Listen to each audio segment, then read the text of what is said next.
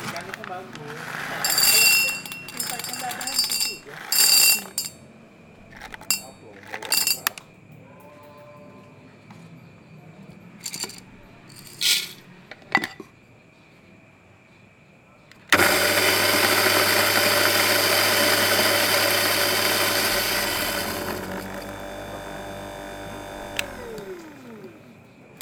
Udah mulai ya? Dekat ya? Ya. Ya maksudnya ini bisa ini nggak perkenalkan dulu namanya? Perkenalan dulu ya. Eh, nama aku Dwi Randi Pradika, Mhm. bisa dipanggil Randi. Eh, tukang seduh di Mikir Kopi. Mikir kopi. Mikir kopi ini sudah dari kapan mas? Mikir Kopi ini berdirinya sekitar Agustus 2020. Tapi itu sebelum saya bergabung ya. Oh gitu. Maksudnya dari di sini mulai dari kapan? Saya bergabung mulai Desember awal Desember 2020. Sebelumnya? Sebelumnya cuman tukang minum. Oh, biasa ngopi di mana aja? Ngopi akarnya sih mulai dari kopi Kumana di Samarinda. Kopi Kumana eh, itu kan kopi Kumana ini kan baru buka lagi nih. Ah, Nah itu sebelumnya itu ngopi mulai tahun-tahun berapa? 2017-16 gitu atau sempat yang di Alaya? Eh, enggak, aku mulai kopi Kumara tuh pas dia udah di dekat SCP. Oh di Hidayatullah ya. Berarti sekitar 2016-17 gitu ya. Aku minumnya 2017 akhir 18 awal. Oke. Berarti mulainya dari eh, minum dulu, Heeh. terus tertariknya itu dari kapan? Maksudnya kok mau sih eh, ma apa? Mainan kopi atau kerja-kerja kopi-kopian Ah, gini? Kerja bikin kopi gitu ya. Eh, aku tuh lama minum ya. Dari dari selama 2018, 2019 itu benar-benar cuman minum aja keliling kedai kopi di Samarinda. Kopi Kumana, Kamus Kopi, eh, Tro, dan Hmm. lain-lain semua lah, hampir semua aku datangin. Cuman begitu mulai tertarik bikin ini, semenjak aku minum di suatu minibar di jalan eh, Pasundan. Ada kombat, angkringan kombat. Di Ah. situ ada satu minibar kopi namanya Torenos Minibar. Torenos Minibar. Nah, Oke. Masih ada nggak tuh? sekarang dia baru di open. Kemarin sempat tutup gara-gara oh, Covid. tapi masih ada ya? Masih ada. Oke, cobalah nanti kita ke sana. Oke. Eh, ini mas, sebelum ke bikin kopinya dulu deh. Ah, Kenal kopi gini dari mana sih? Maksudnya tahu minum kopi kayak gini? kalau kopi gini. Maksudnya kopi gini nih yang Kopi- sekarang ya. Maksudnya yang kalau kita bilang ngopi, kopi. kalau kita ngomongnya ngopi, ngopi itu kan ya dari zaman dulu lah. Tapi bentuknya kayak apa kan bebas. Nah, maksudnya kita ngomongin kopi yang orang bilang itu gelombang ketiga lah, misalnya kayak manual brew, Iya. ya kopi tanpa gula dan lain-lain misalnya. Iya. Itu dari kapan? Aku mulai ketemu specialty coffee ini atau Hmm. third wave ini mulai Specialty. 2000 mulai di kopi kumana itu sih sebenarnya. Karena kan dulu ngopi cuman taunya ABC, kapal api, kopi kapten dan lain-lain. Ah, kopi instan. Ya, kopi yang rasanya ban, kayu, arang dan lain-lain kan. Aduh. Nah, itu kan gak sehat tuh gula gula sampai 2 sendok 3 sendok kan. Ah, Nah, pas diajarin ngopi ini pertama diajak sama baristanya kopi Kumana itu ada namanya Kak Anta. Anta, oke. Nah, itu kan sepupunya teman saya. Hmm. Habis itu diajakin, coba nih ngopi gini. Datang, diseduhkan kopi Brazil kalau nggak salah itu. Oh, Brazil ya. Ah, Beruntung dong dapat di situ. Iya. Soalnya kalau di kopi Kumana setahu tuh kopi-kopi yang luar gitu agak murah sih dibandingkan Iya. tempat lain. masih 30-an kan, 33 dulu tuh. Standar lah. Ya. Itu diseduhkan langsung wah, ini kopi nggak sih? Lain kopi nih rasanya. Karena nggak familiar. ya, setahu saya kopi itu ya rasanya rasa tanah, rasa ban, rasa kayu gitu kan dulu tuh. Ah, gelap lah. Gelap lah, rasa hitam gitu. Terus waktu pertama kali ngerasain kopi gini apa yang ada di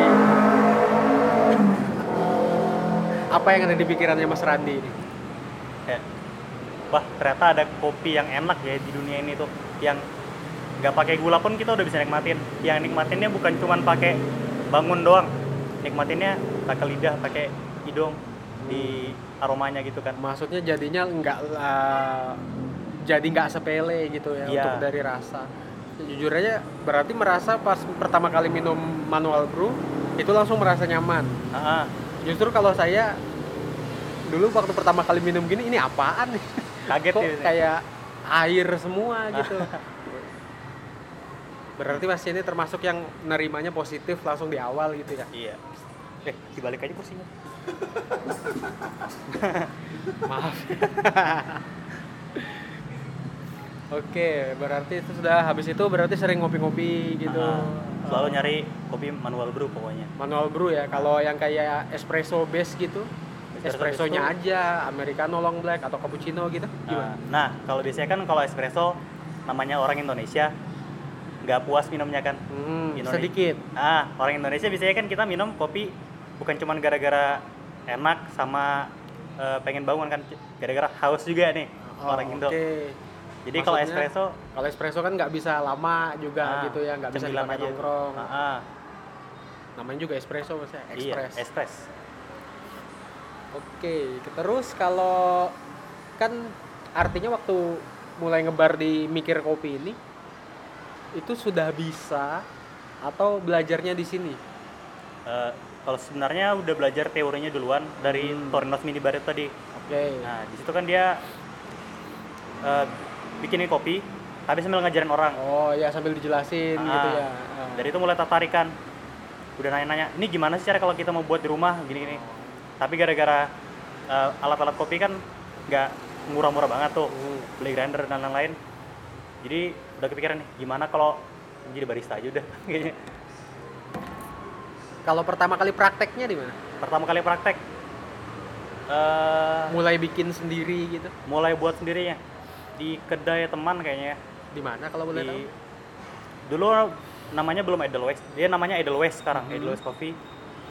Dulu dia Ao Kopi oh sorry. Edelweiss ini kalau nggak salah di Pramuka bukan sih? Bukan bukan. Oh bukan. Di jalan apa namanya ya? Da- di Citra Niaga di Oh, Niaga Baru Niaga Baru. Edelweiss eh, sebentar sebentar. Edelweiss di mana ya? Edelweiss. Ah itulah pokoknya. Eh sorry itu bukan pertama kali nyoba praktek sih. Ah. itu pertama kali eh, praktek yang benar. Hmm. kalau emang sebelumnya ada praktek yang salah? Prakteknya salah banyak sih. Tapi udah udah bergabung dengan mikir kopi. Oh enggak. Maksudnya praktek yang salah itu waktu bikin bikin langsung sendirian gitu nyoba-nyoba Hah? atau ada yang ngajarin Enggak, coba sendiri. oh coba sendiri Nah, oke eh, yang ada ngajarin tuh cuman teorinya aja. Begitu prakteknya, ini bener-bener cuman dari YouTube. oh berarti nonton-nonton gitu ah. nonton video terus terus kenapa mau kerja kayak gitu Gimana ya? Aku lebih pengen cari teman sih. oh berarti untuk koneksi juga ya ah. Maksudnya kan kerjaan lain banyak gitu artinya kalau cuma pengen ngopi-ngopi doang kan nggak mesti kerja iya.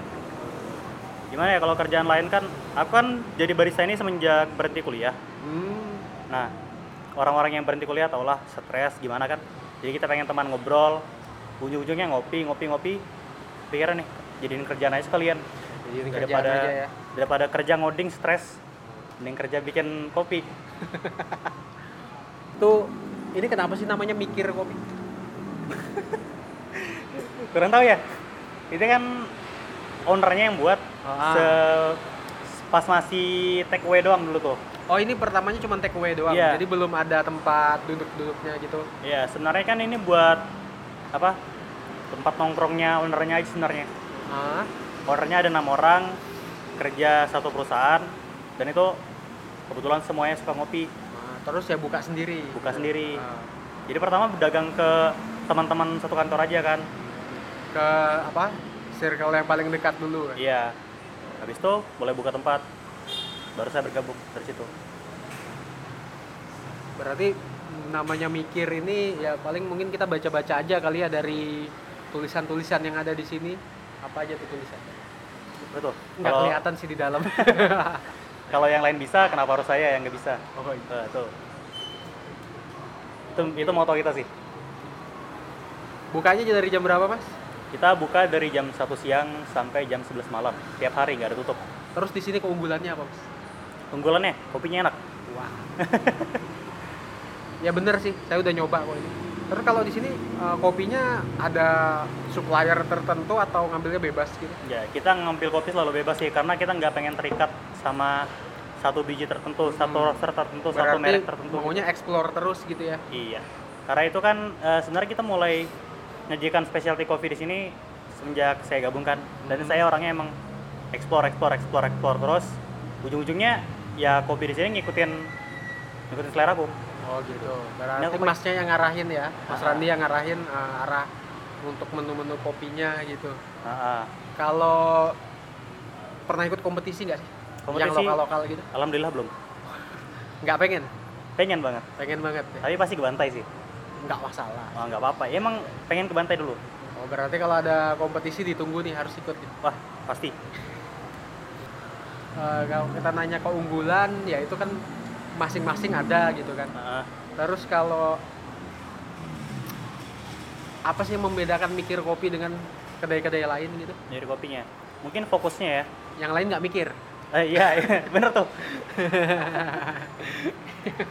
Eh, kalau aku ini eh, bedanya mikir kopi dari tempat lain itu kalau tempat lain kan punya fokus masing-masing kan. Ya. Kalau sudah kopi santai, kopi santai, kopi susu dan minuman yang yang cuman baunya doang kopi dan lain-lain kan ada tuh franchise franchise. Ada juga yang bener-bener specialty, specialty to, nggak mau yang Ah. lain. Contohnya kayak kopi kumana, terus eh Torrens Minibar, Reto Fries dan lain-lain kan. Ya. Itu bener-bener specialty coffee. Enak sih, cuman nggak semua orang bisa minum kan. Hmm. Nah kita pengen ngejebatan eh, ngejembatani antara dua itu. Jadi awalnya kan dimulai dari awalnya kan ini dimulai dari kopi-kopi yang santai, kopi-kopi Ah. yang mainstream. Ya. Nah setelah itu setelah gabung, kadang nih ada datang orang-orang yang ngerti kopi, dia nyari kopi gini, kopi gitu, tapi kita nggak punya.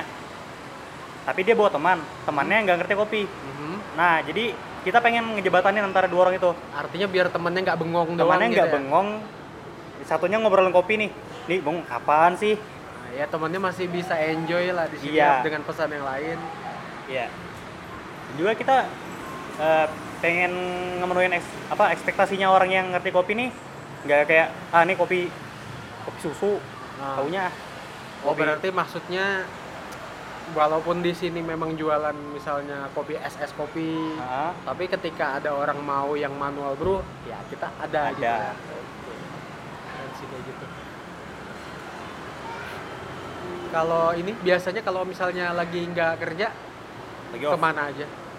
Lagi off aku biasanya keliling sih. Paling sering sekarang ke Red of Rice sama mulai ini kan Torenos Minibar mulai buka lagi. Jadi mulai datangin teman-teman lah Gitu silaturahmi ya. silaturahmi. Nah, iya. Terus kalau misalnya kayak keliling-keliling coffee shop itu ada tujuan khusus nggak atau cuman sekedar ya mau jalan, mau nongkrong atau ada misalnya kayak mungkin pengen uh, cari informasi, belajar lagi atau apa gitu. Kalau awal-awal tujuanku tuh pertama cuma curi ilmu. Curi ilmu dalam konteks positif ini Mas ya. Iya, nggak maling sih, saya belajar. Tapi sudah merasa sudah merasa punya ada yang bisa di share dari saya sendiri. Ah, Jadi kayak pengen tukar-tukaran aja. Jadi datang ke tempat baru, tanyain, ini kopinya gini gini gini gini ini. Oh kalau aku gini. Kalau jadi apa ya? Bukan membandingkan sih. ya kita nggak nggak ngebanding ngebandingin yang mana lebih baik, yang mana bukan Ah. gitu kan. Cuman pengen explore aja. Pengen explore. Terus kalau menurut kalau selain gini deh, untuk Mas Radi selain di Samarinda pernah explore yang di luar Samarinda nggak? Kebetulan yang paling berkesan itu pas ke Bontang. Mhm. Dia ada eh, siphon kopinya. Ah, oh metodenya pakai sipon pakai gitu. siphon. Nah, itu rasa beda banget sih. Kalau dulu biasanya aku explore cuman sekitar Samarinda, Bontang, Balikpapan Ah, dan Balikpapan nih nggak berkesan sama sekali. nggak berkesan. Nah, Oke. Karena mungkin salah tempat atau apa gitu. Oh mungkin belum ketemu tempat yang cocok waktu di Iya. Balikpapan ya. Ah, dan pas sudah ke Bontang baru ada nih biasanya kan V60, Chemex, Hmm, ya Terus- pour over pour over. uh, Purover gitu kan atau espresso base. Ah, Nih kita ketemu yang baru, siphon. Wah, beda nih. Suka enggak juga sih, cuman tapi baru. Oh karena karena baru jadi apa penasaran. Ah, Apa kira-kira maksudnya waktu pertama kali ngeliat sipon tuh yang ada di benak Mas Randi apa sih?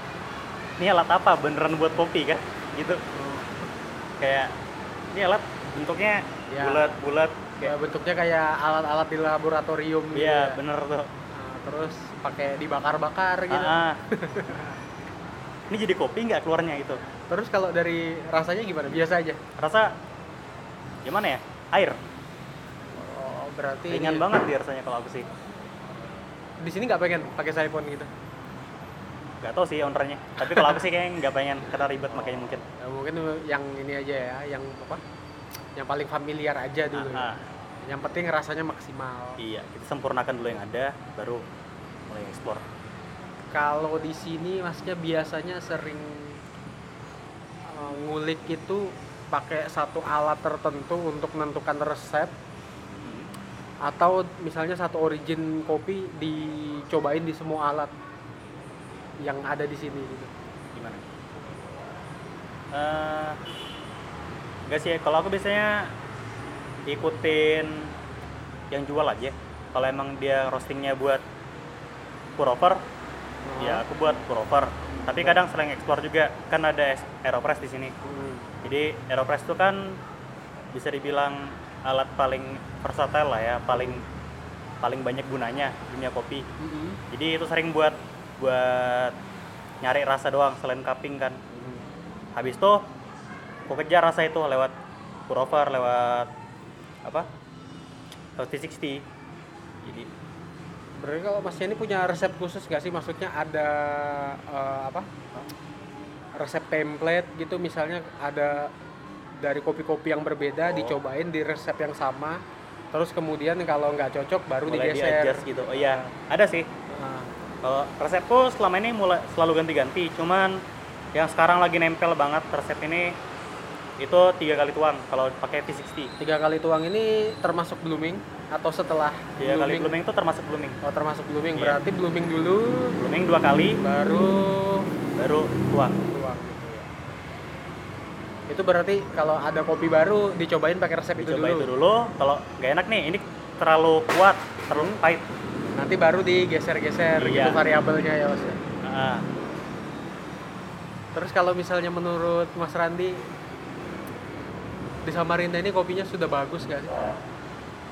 Samarinda ya bagus sih cuman merasa aja di kopi di Samarinda nih masih ketinggalan sama tempat lain Tempat lain ini contohnya kalau cuman kecepatan perkembangan aja sih Hah? Bontang nih cepet banget berkembangnya laju gitu ya. laju banget karena mungkin as- eh, sunikan modal orang-orang Bontang mungkin kuat atau apa gitu Ini perkembangannya dalam hal apa kira-kira Mas? Maksudnya entah itu Eh, ini misalnya alat-alat aja di Samarinda kita kebanyakan eh, pakai mesin yang satu mata dua mata Mhm. dan itu grinder paling minimal grinder Latina 600 Nah, terus ya. di setting paling kecil udah itu aja nggak bisa main nggak bisa main ukuran grind terus banyak juga yang pakai grinder gitu-gitu aja Milano Barezza, Barezza Milano dan lain-lain kan Oh, yang standar-standar lah ya. standar-standar lah Maksudnya yang mungkin untuk explore ke equipment itu di Bontang lebih jor-joran. iya di Bon- buktinya di Samarinda nih aku belum pernah lihat Malkonik kan Oh banyak. Tapi belum pernah lihat dipakai depan mata gitu belum pernah Oh itu kalau kemarin sih ada di Segara. ah sekarang kan udah tutup Udah tutup. Kalau sekarang ini ya di Truf, udah di truk uh, terus di Tumin. Kalau nggak salah. Tumin ah Tumin aku pernah datang tapi nggak pernah lihat dipakainya Oh gitu. ah, Kalau belum pernah sih ke situ. ah Di mana Oh. lagi ya kira-kira ya ada Malkonik ya. Kalau untuk grinder manual brew ya baru di waktu segara Trup sama Tumin tapi kalau grinder espresso yang pakai grinder yang bisa kita bilang bagus itu sudah lumayan banyak. Ah. contohnya kayak Trup terus eh, Kopina ah, kalau dulu ada Salmon iya. satu kata itu grindernya udah lumayan lah. Oh, yang apa? Cukup profesional maksudnya untuk bisa dibilang grinder yang flagship. Sama Kalau- ini juga eh, hotel Horizon. Oh nggak pernah masuk. Aku belum pernah juga cuma waktu itu waktu ke Tovin ah, eh, lihat ada ada apa satu set equipment eh, mesin kopi sama grinder ya. Tanya ini punya siapa? Oh ini pesanannya hotel Horizon. Weh berarti serius juga nih hotel. Eh, masalahnya tuh kopinya specialty nggak di situ nah itu nggak tahu. Nggak tapi tahu kalau dari alatnya sih bagus. Iya. Kadang kan ada tuh alat bagus kopinya Ah. robusta Ya. biasa gitu komoditas. Nah, mungkin ini kali ya belum ketemu. Nah. terus kalau misalnya apa sih yang diharapkan dari dunia kopi di Samarinda ini? Misalnya apa kira-kira yang belum ketemu gitu? Yang belum ketemu? Maksudnya gini eh, mungkin pengen kayak kita mau ngarepin roastery ya roastery sudah ba- lumayan Udah banyak, banyak. dan sudah bagus-bagus juga kayak Konus, ROR, Semenjana apalagi sih selain tiga itu? Kurang tahu juga saya. Di, di Samarinda ini menurutku ini sih kurang varietas kopinya sih. Kita kan kopi kebanyakan ngambil Sumatera Jawa Barat Mhm. Flores. Nah kadang kalau ada spesial spesial ba- batch gitu ngambil Ethiopia ada Geisha ada oh maksudnya kopi-kopi luar gitu Ah, ya? tapi yang udah udah mainstream. Kita aku Samarinda ini nggak pernah lihat yang kadang Costa Rica tuh penasaran tuh. Udah pernah lihat di Samarinda nih. Jadi kayak roastery-nya udah bagus rasa tuh udah keluar banget. Cuman mungkin kurang explore Kurang untuk di explore untuk- explore di jenis-jenis kopinya. Iya sourcingnya sih ya. Atau mungkin mereka juga menjaga apa daya beli mungkin. Mungkin kalau iya untuk sih. kopinya terlalu bagus bener bener. nanti daya belinya kurang. Ya nggak tahu juga sih. Nah itu sih cuma sebenarnya kalau daya beli zaman sekarang sih kayaknya sudah bagus-bagus. Iya, tapi pelanggan daya belinya kan kadang kita nyari uh, sustainability kan. Kalau kita jual kopi 70.000 ribu, ya untung sih kalau misalnya kita pakai biarpun kopi Ethiopia, Costa Rica dan lain-lain, Hmm. untung. Tapi yang beli ada Jarang. nggak? gitu kalau masalahnya. ada juga nggak tiap hari Nah, jadi mungkin bukan sourcingnya yang aku kritik, bukan roster sih. Hmm. Mungkin lebih kayak berharap ke konsumer Samarinda nih lebih Ah, lebih tertarik lah artinya eh, apa kita butuh customer-customer yang lebih upgrade di kopi-kopiannya gitu iya. Nah, terus kalau karakter customer-customer di mikir kopi ini kira-kira pernah nemu yang gimana gitu yang Nah, mikir kopi ini yang unik-unik gitu mungkin Iya, kan tadi udah dibilang ya mikir kopi ini fokusnya dari ke temannya si orang kopi Hmm. sampai ke orang kopinya. Nah jadi customernya ya range-nya luas. Jadi mulai dari orang yang datang nanyain ada beans baru nggak? no sudah Ada. ada yang kayak gitu Ada gitu. Cuman kadang ada yang Mas kopi hitam. Bingung tuh dah kita tapi mau tapi kasih nggak jelasin nggak jelasin kita mau kasih apa nih. Kadang ada yang contoh pesannya kopi avocado. Hmm. Eh, kita nggak punya pak. Loh itu hijau-hijau apa? Itu green tea maksudnya? Oh, berarti dia ya. Terus kalau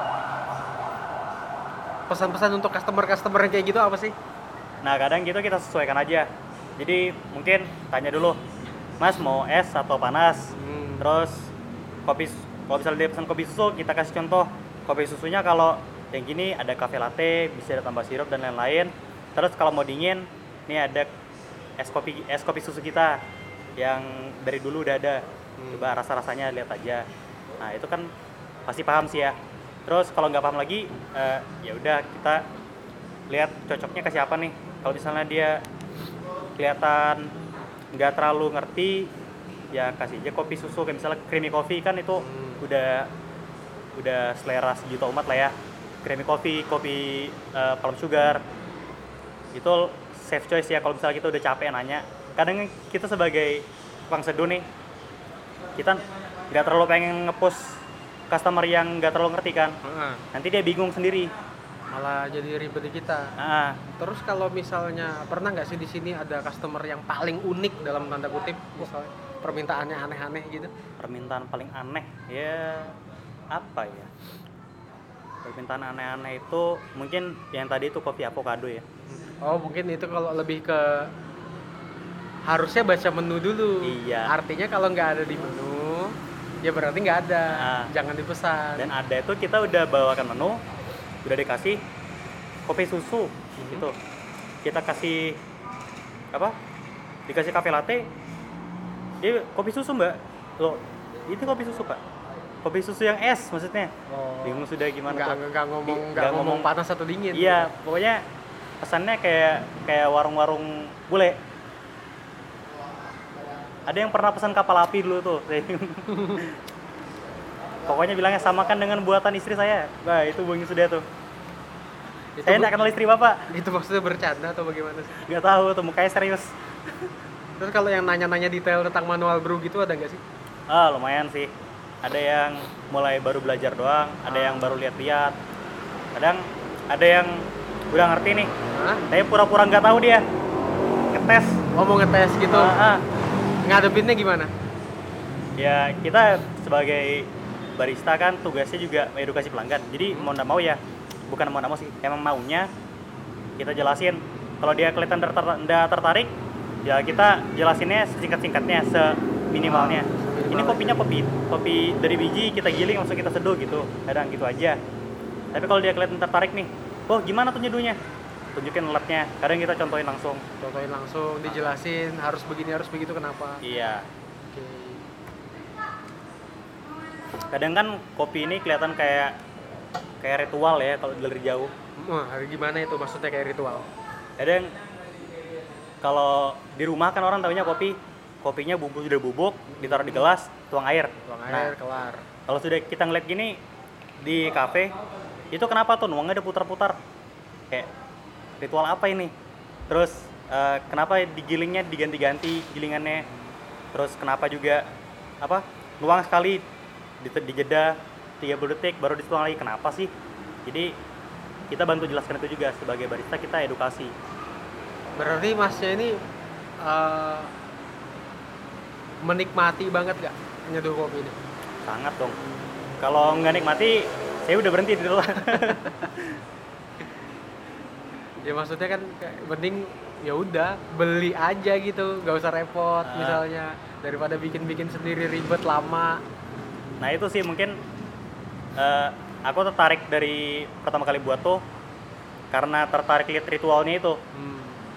Wah nih keren nih buat kopi apa ya merasa merasa valid lah kita nih kayak kopinya nih enak karena dibuatnya emang harus hati-hati emang harus teliti. Oh, artinya waktu kita minum kita Ras- tahu kenapa rasanya bisa begitu Iya. yang dari kita bikin sendiri tadi itu ya. Ah, kayak sepadan gitu kan.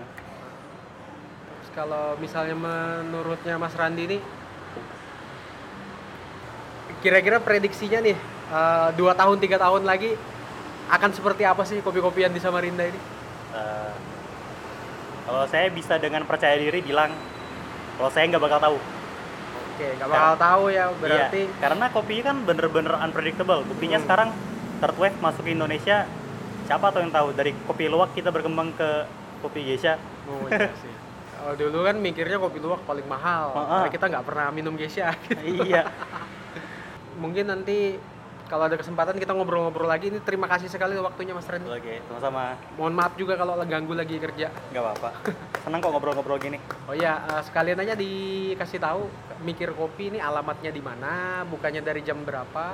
Mikir kopi tempatnya di Simpang Sempaja Hmm, di Jalan Awe Sarani ya. Di depan depan cucian mobil. Berarti di pencucian mobil yang di Simpang 4 Sempaja yang arah ke Awe Syarani gitu Iya, ya. benar. Bukannya dari jam Buka dari jam 1 siang sampai jam 11 malam. dari Kalau jam 1 siang sampai 11 malam setiap hari. setiap hari. Oke. Oke Mas Randy, terima kasih banyak ya. Iya, terima kasih. Yuk.